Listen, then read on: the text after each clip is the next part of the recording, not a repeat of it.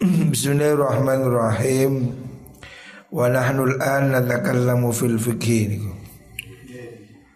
Bismillahirrahmanirrahim. Wa nahnu dai kita al-ana ing dalam saiki sekarang ini ya. Pada periode ini maksudnya yang dimaksud pada zaman Imam Ghazali Imam Ghazali mengatakan kita pada saat ini ya saat ini. Artinya ya saat ini kita juga ya seperti itu in dalam zaman saiki kunatakal lamu micoro kita. Kita sekarang membicarakan membahas maksudnya fil fikih yang dalam fikih al al manuti kang den nutaken den disandarkan bimasalihil halqi kelawan piro-piro kemaslahatane makhluk. Wa fatwa zahir utawi fatwa kang zahir lau ketui mengkunung fikih hukmun utai hukum wa minhajun lan minhaj metode. Ala hasabi muqtadal masalihi. Ingatasi milang-milang patrabane kemaslahatan. Wa tariqid lan dalani agung. Layak tiru ora kuoso ala sulukihi ing atase ngambah mengkono-mengkono hukum. Sapa illal ahadu angin pira-pira individu. Walau istaghala lamun ketungkul sibuk sapa al khalqu makhluk. Kulluhum sekabehane khalqu. Bihi klan mengkunu fikih niku wau la batala yakti batal. Apa nizamu aturan? Wa kharubalan rusak opwal alamu alam maksudnya Imam Ghazali mengatakan bahwa untuk ahli fikih pada semua orang itu tidak mungkin. Sebab manusia ini profesinya macam-macam Tidak mungkin semuanya dijadikan ahli fikih. Ya ada ahli dagang, ada petani, banyaklah. Banyak sekali yang dibutuhkan dalam hidup ini Tidak mungkin semua orang disuruh menjadi ahli fikih Untuk neliti satu persatu ya. Makanya harus dimudahkan. Fa inna dzalika setuhuni mengkono-mengkono. Niku wau pundi suluk niku wau iku talabu mulkin nyuprih keraton azimin kang agung fil akhirati ing dalam akhirat.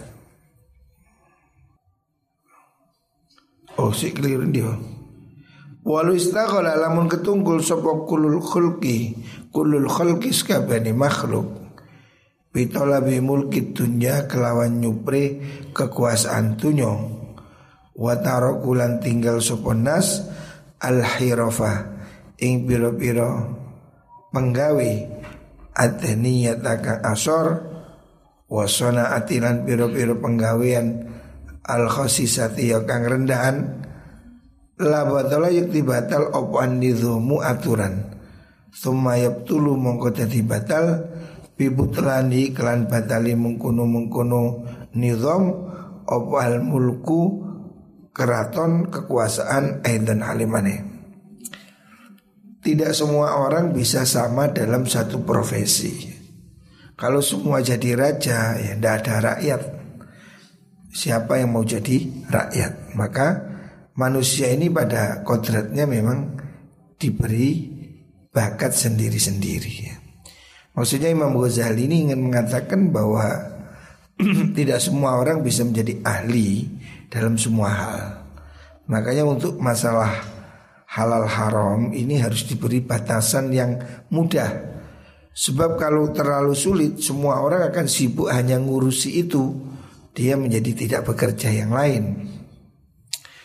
Fal muhtarifuna mongkau te pira-pira wong kang nyambut gawe Orang yang sibuk dengan pekerjaan Iku innama sukhiru anggap den dulu akan diarahkan so muhtarifun Lian tazima supaya tadi runtut opal mulku kekuasaan lil muluki ketipiro piro ratu.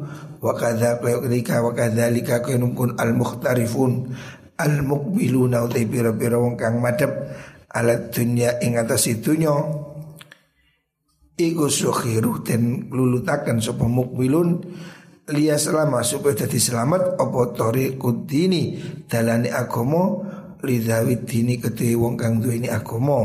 Wa huwa temu kunutin iku mulkul akhirati keraton akhirat. Semua orang ini ada pilihan. Ada orang yang ahli urusan dunia. Ada yang ahli urusan akhirat. Tidak semua orang dibekali kemampuan sama untuk ahli agama. Hanya sebagian orang yang ngerti agama selebihnya ya dia ngurusi pekerjaan ada petani, ada pedagang, ada sopir dan segala macam. Semua itu punya kesibukan masing-masing. Ada yang jadi presiden, ada yang jadi rakyat jelata umpamanya. Supaya semua ini berjalan saling melengkapi ya gitu loh. Nah orang-orang yang ngurusi agama ya sibuklah dengan urusan agama kalau orang-orang yang ahli dunia ngurusi agama malah ruwet semua ya. Walaula ulamun ora ana mengkono mengkono niku ora ana mengkono mengkono al niku al mukbilun ala dunia niku lama salima mengko ora selamat lidawi dini kedue wong kang duweni agama aidon halimane opo dinum agamane zawuddin Fasartu salamati dini mongko te syarate selamat agama lahum ketim kun ahlutin iku arido yen to mingu utawa meninggalkan subal aksaruna wong ake antorikim saking dalane ahludin wa istagiluna lan padha ketungkul sapa aksarun bi umuri dunya klan pira-pira urusan dunya wa dzalika mungkun istighal iku kismatun bagian Sabakot kang wis dhisik pihak lan mengkuno kismah opal masyiatu kersane Gusti Allah? Al azaliyatu kang bangsa azali masa lalu. Wa ilaihi lan maring mengkono mengkono kismah niku wau. Al isyaratu bi qouli lan dawi Allah taala rupane nahnu qasamna bainahum ma'isyatahum nahnu ta ingsun Allah iku qasamna bagi ingsun bainahum ing dalam antarane kaum ma'isyatahum ing penguripane mengkono kaum ya. Fil hayati dunya ing dalam urip ana dunya. Wa rafa'na lan ngangkat ingsun ba'dhum ing sebagian nas fauqa ba'din ing dalam dhuwure sebagian kang liya. Darajatin ing piro-piro derajat. Memang Allah itu membagi-bagi ya. Tidak semua orang sama derajatnya beda-beda ya. Manusia prinsipnya asalnya sama, kemudian oleh Allah dibagi-bagi sesuai yang dikehendaki oleh Gusti Allah. Mbak lihat tahida supaya ngalap Lihat tahida supaya ngalap Supaya ba'duhum sebagian yang nas Ba'don ing sebagian kang liyo Sikhrian ingkang den dulutaken Maksudnya supaya ada atasan ada bawahan ya. Kalau semuanya jenderal nggak ada pasukan. Siapa yang mau baris ya? Memang Allah itu sudah bagi. Ada yang nasibnya jadi jenderal Ada yang kopral. Kalau jenderal semua Lah yang disuruh angkat-angkat Tidak ada. Begitu juga urusan agama. Tidak semua orang oleh Allah diberi ketertarikan kepada bidang agama. Orang mau mengaji, orang mau jadi santri itu dipilih ya, tidak semua. Tidak semua orang mau mondok. Sing wis mondok gak semua gelem ngaji. Ya ono sing mondok turut tok. Mondok ngomong gendok mangan tok. Makanya tidak semua orang ahli agama. Dan orang-orang yang ahli agama itu memang dipilih oleh Gusti Allah. Intinya begini maksudnya bahwasanya Imam Ghazali membuat definisi yang kemarin halal haram syubhat tingkatan haram tingkatan syubhat supaya mudah supaya mudah dikenali oleh orang awam karena tidak semua orang bisa melakukan penelitian secara maksimal.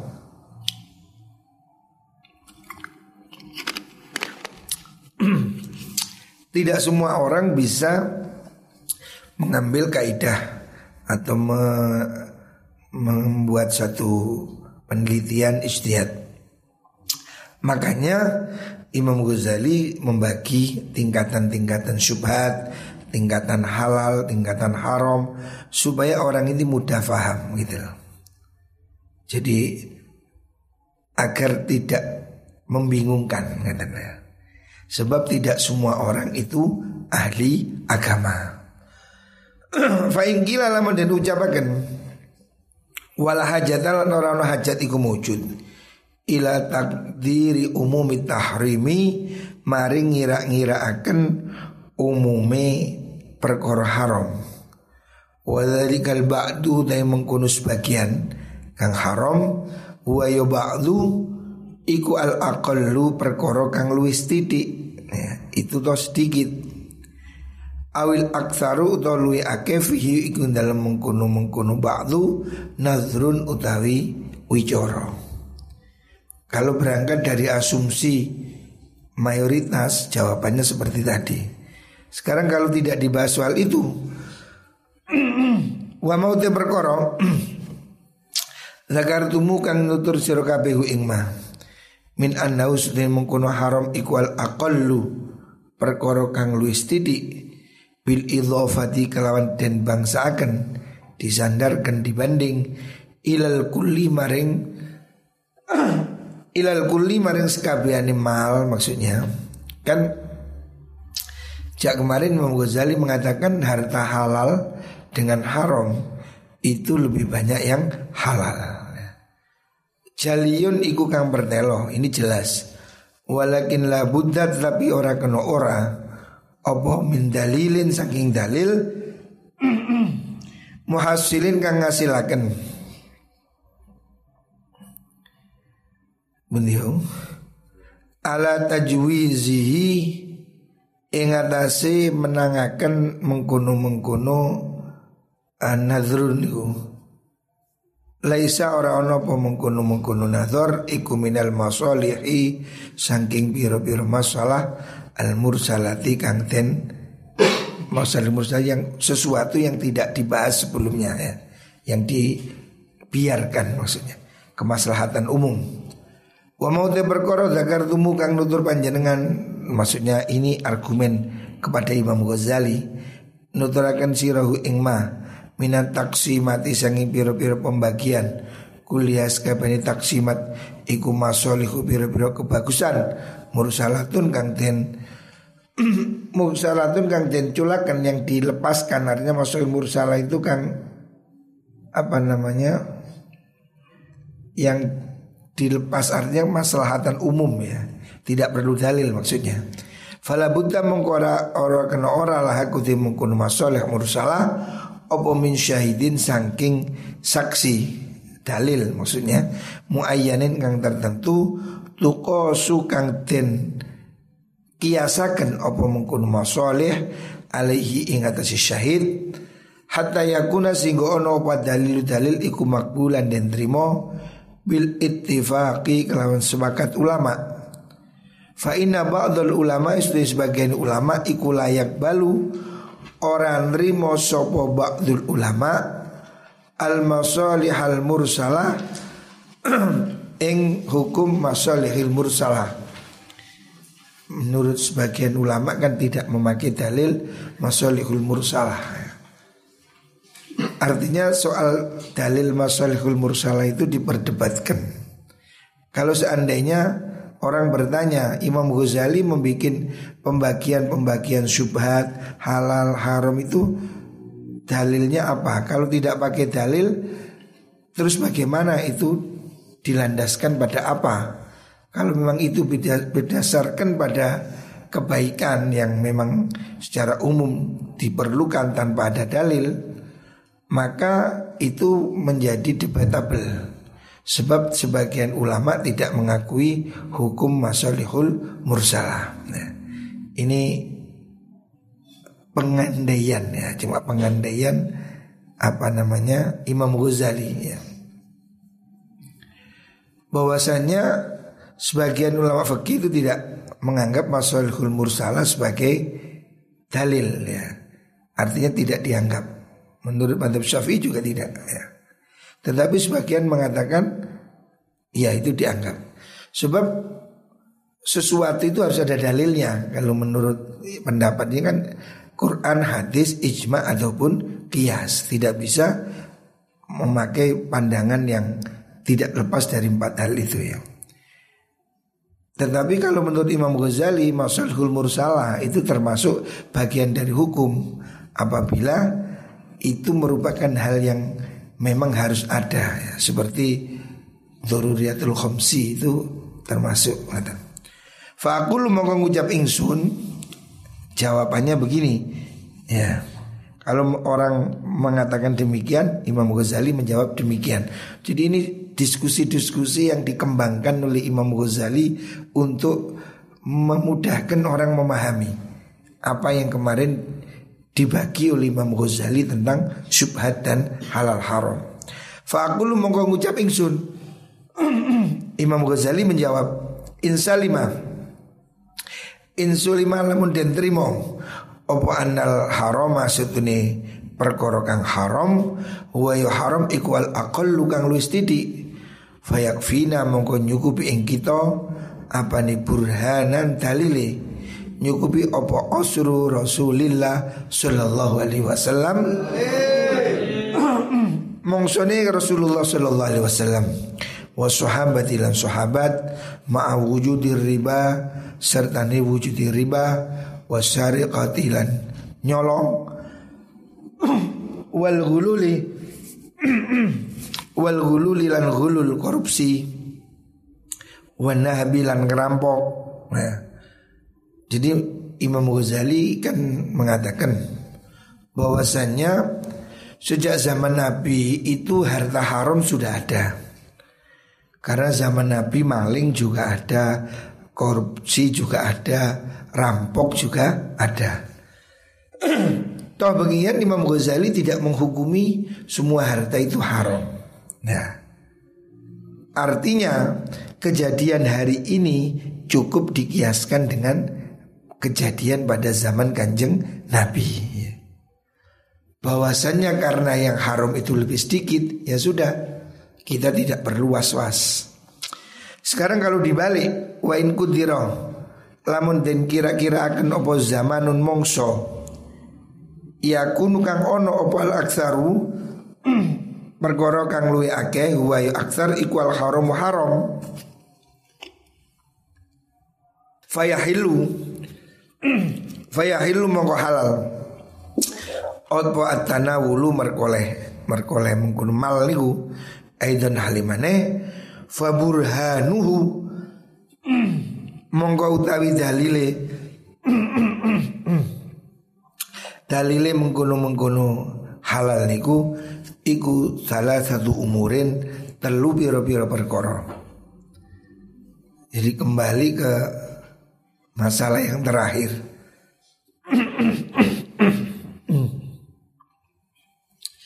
masalah yang terakhir tentang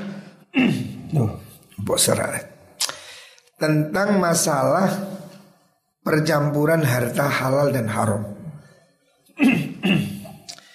Imam Ghazali menyatakan ya kemarin sudah memberikan penjelasan panjang lebar ya, tentang hukum harta yang beredar pada zaman ini ya.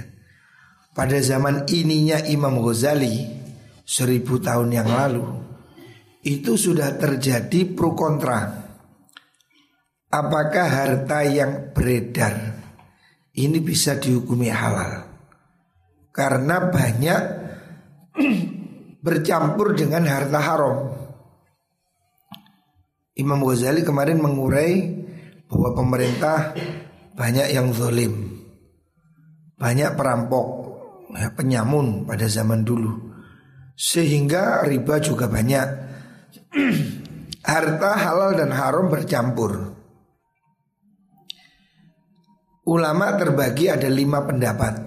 Ada yang mengatakan itu haram Sehingga semua harta tidak boleh dipakai Menurut Imam Ghazali ini konyol. Pendapatnya mengatakan semua harta itu haram. Wong jelas tidak jelas haramnya. Kok dihukumi? Haram. Kalau semua harta dihukumi haram Orang ya Tidak bisa berbuat apa-apa. Akhirnya semua orang ini harus makan Daun-daunan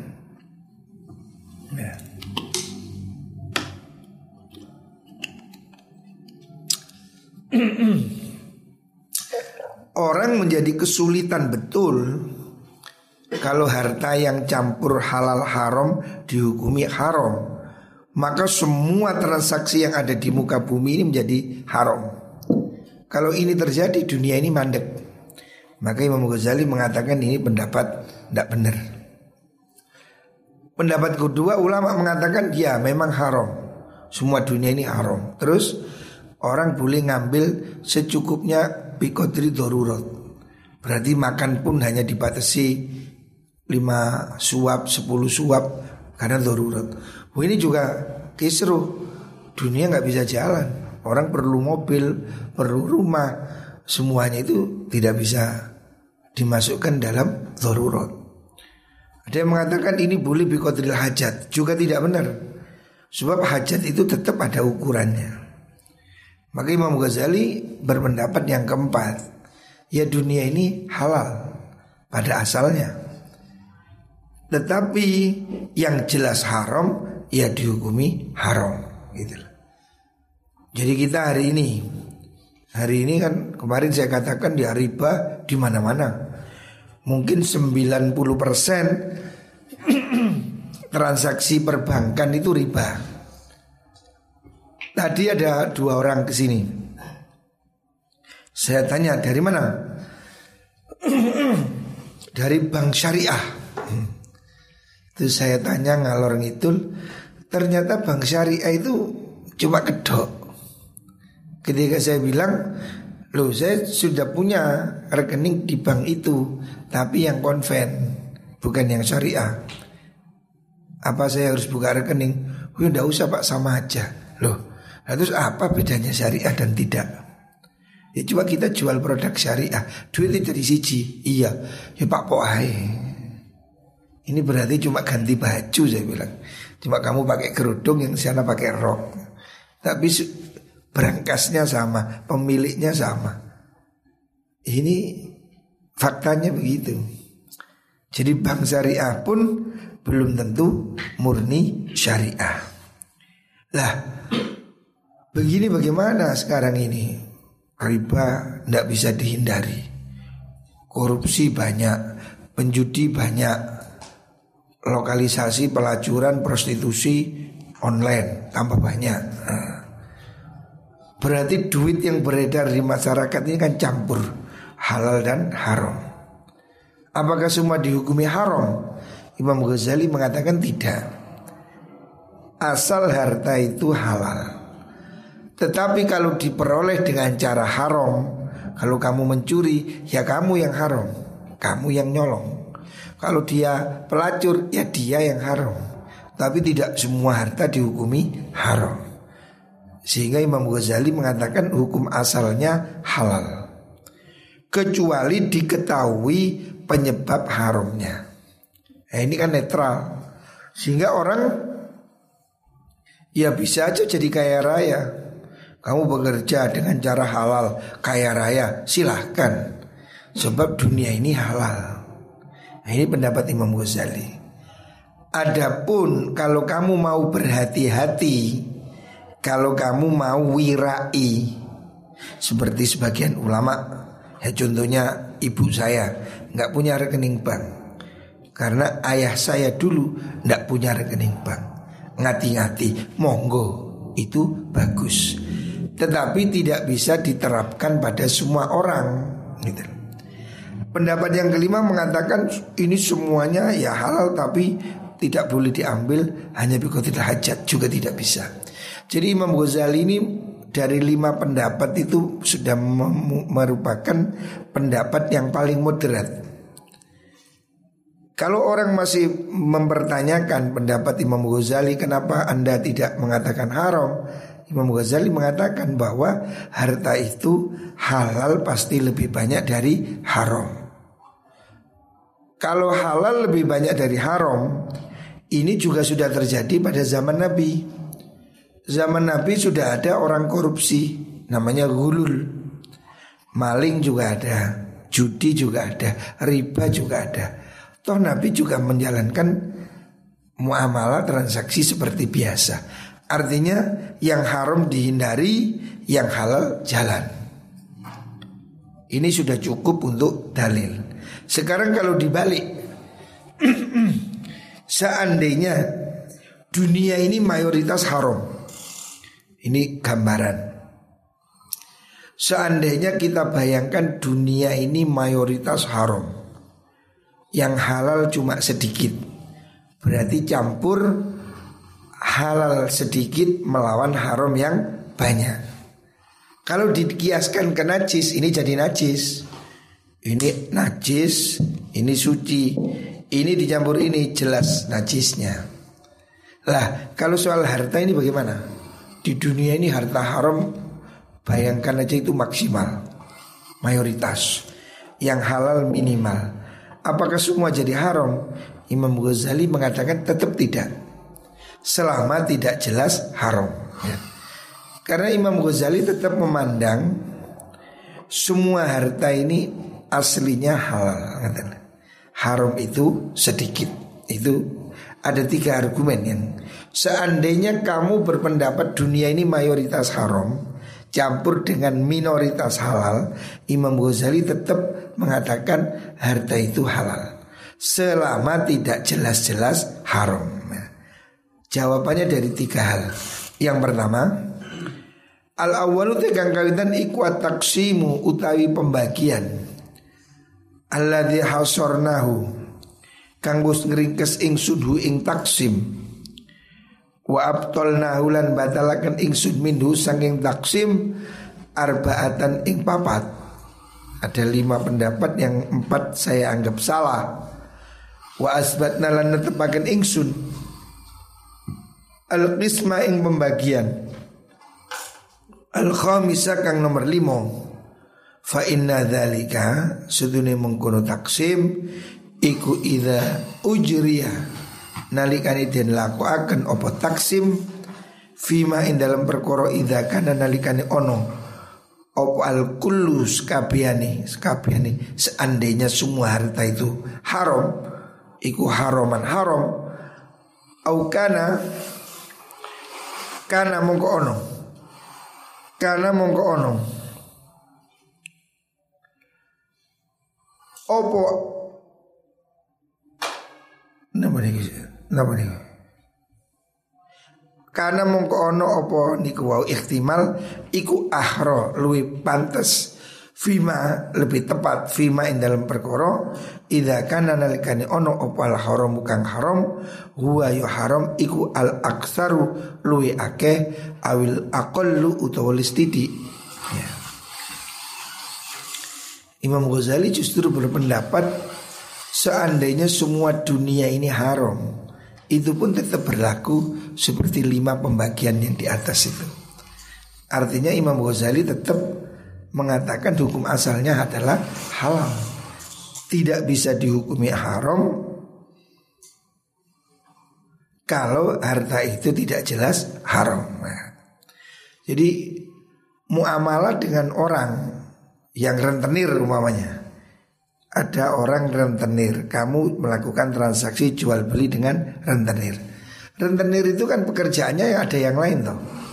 Kan rentenir itu punya kebun, rentenir itu mungkin punya apa?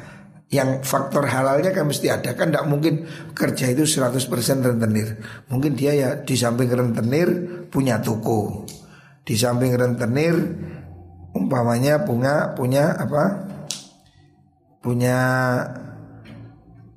kebun dan seterusnya. Artinya itu sama. Orang hartanya itu campur antara halal dan haram. Menurut Imam Ghazali tidak haram muamalah dengan orang yang hartanya bercampur antara halal dan haram. Tidak itu tidak haram. Kecuali kalau memang diyakini, umpamanya begini, yang yang yakin begini. Ini uang tas begal. Kamu tahu sendiri dia itu begal. Begal terus dia dapat tas isinya duit 100 juta. Terus dibuat beli rumahmu. Ini saya beli duitnya ini hasil begal. Nah, kamu nggak boleh karena apa? Ini jelas apa barang haram. Tetapi kalau kamu tidak tahu, ya seperti orang pegawai bank maunya itu kan ya hukum halal haramnya diperdebatkan. Taruhlah ambil hukum yang haram. Toh dia kan juga punya harta yang lain selain gaji bank. Dia tuh ya punya toko, punya tani, punya ini, punya itu. Ini sama dengan yang tadi dikatakan Imam Ghazali kalau orang itu hartanya mayoritas haram atau campur halal dan haram. Muamalah dengan orang ini tetap boleh selama tidak jelas apa yang kita terima itu harta haram. Contoh gini, ini ada copet, Nyopet, habis nyopet handphone. Nah ini kan jelas handphone copetan. Dijual ke kamu. Ini jual handphone murah, iPhone berapa? 200 ribu. Jangan dibeli. Karena apa? Kamu tahu ini jelas hasil nyopet. Tidak boleh. Tapi kalau kamu itu tidak tahu. Ya orang itu kadang nyopet, kadang yang lain. Terus jual handphone harga wajar. Kan bisa jadi itu handphonenya sendiri atau handphone nyopet. Nah kalau begini boleh. Tapi kalau sudah jelas yang dijual ke kamu ini iki lo oleh nyopet tukun murah-murah, ndak boleh dibeli. Karena apa? Ini jelas barang haram. Ya. Jadi kalau jelas haramnya tidak boleh. Tetapi kalau campur orang itu punya usaha halal dan haram. Dia itu rentenir tapi juga punya kebun, juga punya toko. Lah berarti kan hartanya campur. Dia ada harta haramnya, dia ada harta halalnya. Yang begini ini boleh kita transaksi. Ya sama dengan kita transaksi ke orang non muslim yang dia itu ya ya punya toko sekaligus bandar togel. Nah, punya toko sekaligus jual miras. Nah, itu kan campur itu halal haramnya. Tapi kan tidak jelas dari yang haram. Itu boleh. Dalam kasus yang lebih besar Imam Ghazali mengibaratkan seandainya di dunia ini seandainya semua harta yang ada ini haram seandainya. Is kanok belas penggawean bener. Yang bu di mana itu? Umpamanya ndak ada petani ndak ada pedagang ndak ada pokoknya pekerjaannya hanya 100% judi 100% lunde pokoknya ndak ada yang halal belas nah, itu pun menurut Imam Ghazali ya Hukumnya tetap seperti yang tadi itu. Ada lima pendapat itu. Kalau Imam Ghazali memilih pendapat yang moderat ya Bahwa yang haram itu perbuatannya. Hartanya aslinya itu harta halal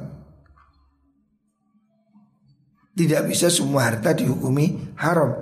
Kalau kalau seluruh dunia ini dihukumi haram, harus orang mau makan apa? Kan tidak bisa bergerak dunia ini. Wa qaulul qail utawi pengucapi wong kang ngucap rupane huwa utawi mengkono-mengkono hukum taksim iku maslahatun mursalatun iku bagian tekok maslahatun mursalah. Kalau seandainya itu disebut dengan maslahatul mursalah artinya maslahatul mursalah itu sesuatu yang tidak diperlukan dalil ya bahwa Imam Ghazali membagi itu tanpa ada dalil cuma berdasarkan apa itu kemaslahatan aja. Hawasun iku apa namanya? Kocor saiki huak. Ya, sesuatu yang tidak benar. Kalau kamu menuduh bahwasanya pendapat ini tidak ada dasarnya, wah itu juga nggak benar gitu Karena Imam Ghazali itu sudah membandingkan itu dengan apa yang terjadi pada zaman Rasulullah. Kiasnya kan begitu. Zaman Rasulullah itu kan Rasulullah diutus itu pada zaman jahiliyah. Zaman jahiliyah itu kan orang yang tanpa hukum. Perampokan apa pun ya tidak ada hukum. Zaman jahiliyah itu kan gelap betul ya. Sehingga orang bunuh membunuh, yang kuat menindas yang lemah. Pokoknya di mana ada perang yang kalah jadi budak, dirampas. Dulu kan belum masyarakat belum maju ya. Jadi suku-suku itu saling perang yang kalah dirampas. Gitu aja. Hukumnya hukum rimba. Begitu Nabi Muhammad SAW Kanjeng Nabi diutus itu kan pada zaman yang sudah rusak. Artinya harta yang beredar pada zaman itu mayoritas kan hasil penggalian rusak. Mereka tidak tahu halal haram. Mereka belum tahu haramnya zolim Mereka belum tahu haramnya mencuri Mereka belum tahu hukumnya gosop Hukumnya korupsi Itu kan hukum-hukum itu ada Setelah diajarkan oleh kanjeng Nabi Sebelum Nabi mengajar Ketika Nabi belum mengajarkan hukum Islam Orang masa itu jahiliyah nggak ngerti halal, nggak ngerti haram Bahkan anak bisa mengawini ibunya. Oh jahiliyah banget. Kan pada kucing. Anak eh wedok mana lanang gede numpak imbok nih. Jahiliyah dulu boleh. Tidak ada hukum. Lah, termasuk hukum soal harta. Zaman jahiliyah itu saling rampas. Perang yang kalah dirampas seperti itu. Saling perang, saling serang. Artinya harta yang beredar pada zaman Rasulullah Shallallahu Alaihi Wasallam sebelum Nabi diutus itu kan mayoritas haram. Tapi begitu Nabi diutus menjadi Rasul, Nabi kan tidak mengharamkan semua. Bukan berarti semua orang kaya itu kemudian hartanya dirampasi dulu kamu ngerampok dulu kamu ini enggak ya sudah mereka tetap pada milik masing-masing Walaupun mungkin dulunya dia peroleh dengan cara yang tidak halal sebelum mereka masuk Islam. Toh Nabi tidak mengharamkan semua, tapi Nabi memulai dari nol. Mulai sekarang jangan nyolong, mulai sekarang transaksi jual beli dan seterusnya. Imam Ghazali berpendapat seperti itu. Seandainya hari ini dunia ini haram semua, seandainya ya yang terjadi seperti apa yang terjadi pada zaman kanjeng Nabi Ya kita mulai dari nol Yang ada ini milik kita Selebihnya kita memulai berdagang dengan cara yang benar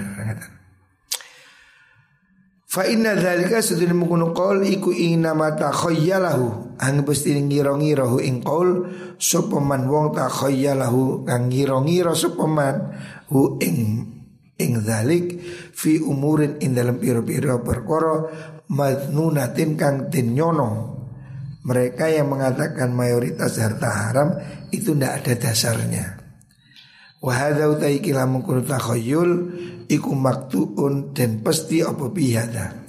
Fa inna kita ikulana suku orang mamang kita fi anna maslahat dini fi anna maslahat dini suduhni masalah agama wa dunya lan dunya iku muradun perkara kang den karepaken li syari'i Kanjeng Nabi kanggo syariah wa huwa te mengkuno mengkuno anna maslahah muradun li syar'i iku maklumun den warui bil darurati kan pasti pasti demikian Walaysa lan ora ana dzalik iku bimadnunin kelan perkara kang den kira-kira.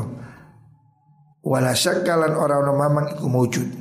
Fi anna radda kafatin nasi ing dalam setune balekaken sekabehane menungso ila qadri darurati maring kira-kira darurat awil hajat itu haja awi ilal hasisi utawa maring suket-suketan wasoidilan peburuan iku mukharrabun ngrusak lid dunya maring dunya awalan indal kawitane walidini lan juga ngerusak maling agomo biwasitati dunya kelawan lantaran dunia sanian ing dalam amalan kaping pindu.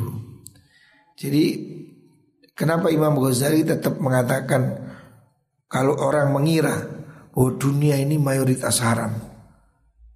Terus bagaimana? Apa semua haram? Enggak, kata Imam Ghazali. Sebab yang pertama argumentasi dugaan itu pasti salah. Gitu. Tidak mungkin dunia ini semua haram. Imam Ghazali berpendapat begitu. Pasti dunia ini ada lebih banyak orang yang pakai akal waras bekerja dengan baik. Dengan naiknya budaya ya. Budaya dan pendidikan manusia ini kan membawa ke arah hal yang positif. Contoh, saya dulu waktu tinggal di Inggris, di Inggris orang itu tidak beragama mayoritas. Kalau sekarang sekarang ini Kristen KTP, saya lihat gereja-gereja sepi. Bahkan banyak gereja dijual karena Tuhan sudah mati menurut orang Kristen. Mereka sudah tidak ke gereja, tidak bertuhan, ngaku Kristen tapi tidak ibadah. Akan tetapi orang jujur. Contohnya naik kereta, semua orang tertib bayar karcis. Antri-antri tertib lebih tertib di Inggris jauh daripada di Indonesia. Padahal di Indonesia mayoritas Muslim. Sana mereka jujur tanpa agama. Tidak karena takut neraka, tidak karena takut malaikat, tapi pendidikannya yang tinggi. Sehingga mereka jadi tertib. Saya melihat di negara-negara Eropa di Belanda, di Perancis, di uh, Swiss, di Spanyol, rata-rata masyarakat lebih tertib.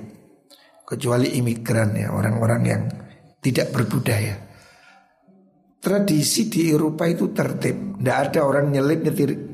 Saya tinggal di Inggris dua bulan, tidak ada mobil nyelip kiri, tidak ada, tidak ada sama sekali. Saya bawa mobil dari Leicester ke London supirnya orang Indonesia. Jalan tol, saya bilang kosong, kiri kosong, mobil di tengah semua. Saya bilang tidak nyelip kiri, oh tidak boleh. Mereka tidak mau, nggak ada orang pun tidak mau. Tertib mereka itu takut sama aturan, disiplin. Di Newcastle subuh-subuh saya ngajak teman orang Jember tinggal di Inggris, antar saya jalan-jalan. Sik sebentar berhenti, saya mau foto. Tidak boleh. Lu kan sepi nggak ada orang. Oh tidak boleh. Tetap tidak mau. Coba di Indonesia lampu merah, sepi, jalan terus. Budayanya yang jelek. Di luar negeri tidak ada orang lang nabrak lampu merah tidak ada. Karena mereka malu. Nah, budaya malunya tinggi. Coba di Indonesia. Ya, tidak ada polisi ya, amblas. Ya budaya mal ini karena tingkat pendidikan. Saya melihat hampir di negara-negara miskin seperti Yaman, seperti mana negara yang itu ya seperti Indonesia ini, koproh, lambat, lemot, karena orangnya pendidikannya rendah. Orang yang berpendidikan tinggi itu perilakunya lebih baik secara umum ya. Makanya Imam Ghazali mengatakan tidak mungkin di dunia ini semua orang profesinya haram ya, Itu tidak mungkin ya. Artinya dia meyakini mayoritas masih halal Kalau semua harta di dunia ini mau dihukumi haram Maka orang berarti tidak boleh pakai uang semua ini Pakai mobil semua ini kan sudah campur haram Yang nggak haram tinggal apa? Makan rumput Berburu di hutan ya, Makan daun Wah ini kan rusak budaya Mobil semua riba ya. Terus orang mau naik apa? Hancur dunia ini dan hancur agama Ketika dunia hancur Agama ikut hancur Wongnya gak mangan kape lemes kape Gak sholat kape Melarat kape Gak munggah gaji Kosong Mekah Nah, makanya ini tidak mungkin ya. Imam Ghazali tetap mengatakan tidak mungkin itu terjadi. Gitu. Ini jelas ya agama ini pasti untuk kebaikan. Makanya Imam Ghazali tidak setuju kalau mau dihukumi semua haram akan hancur dunia ini. Gitu. Wa inna ma yustazhadu angin mesti den gawe alasan den gawe dalil alal khayalati ing atase pira-pira hayalan al madnunati kang den kira-kira diduga al muta'alliqati kang kumantung bi ahadil ashkhasi kalawan piro-piro izin-izini menungso. Artinya Imam Ghazali menganggap orang yang berpendapat dunia ini full haram itu hanya hayalan. Mungkin dia hidup di daerah yang sangat rusak. Tetapi secara umum dunia ini pasti banyak yang baik gitu Dan tidak mungkin dunia ini diharamkan total. Bab kalau semua dunia ini mau diharamkan total, maka orang tidak bisa bergerak, tidak bisa berbuat. Ini semua lampu riba riba riba riba semua yang dia riba. Terus ngaji ini gak apa? Gak omplong. Siaran gak apa? Yuk nggak bisa. Itu tidak mungkin kata Imam Ghazali. Kesimpulannya tetap Imam Ghazali mengatakan sesuatu yang tidak jelas haram adalah halal. Itu aja kesimpulannya. Wallahualam.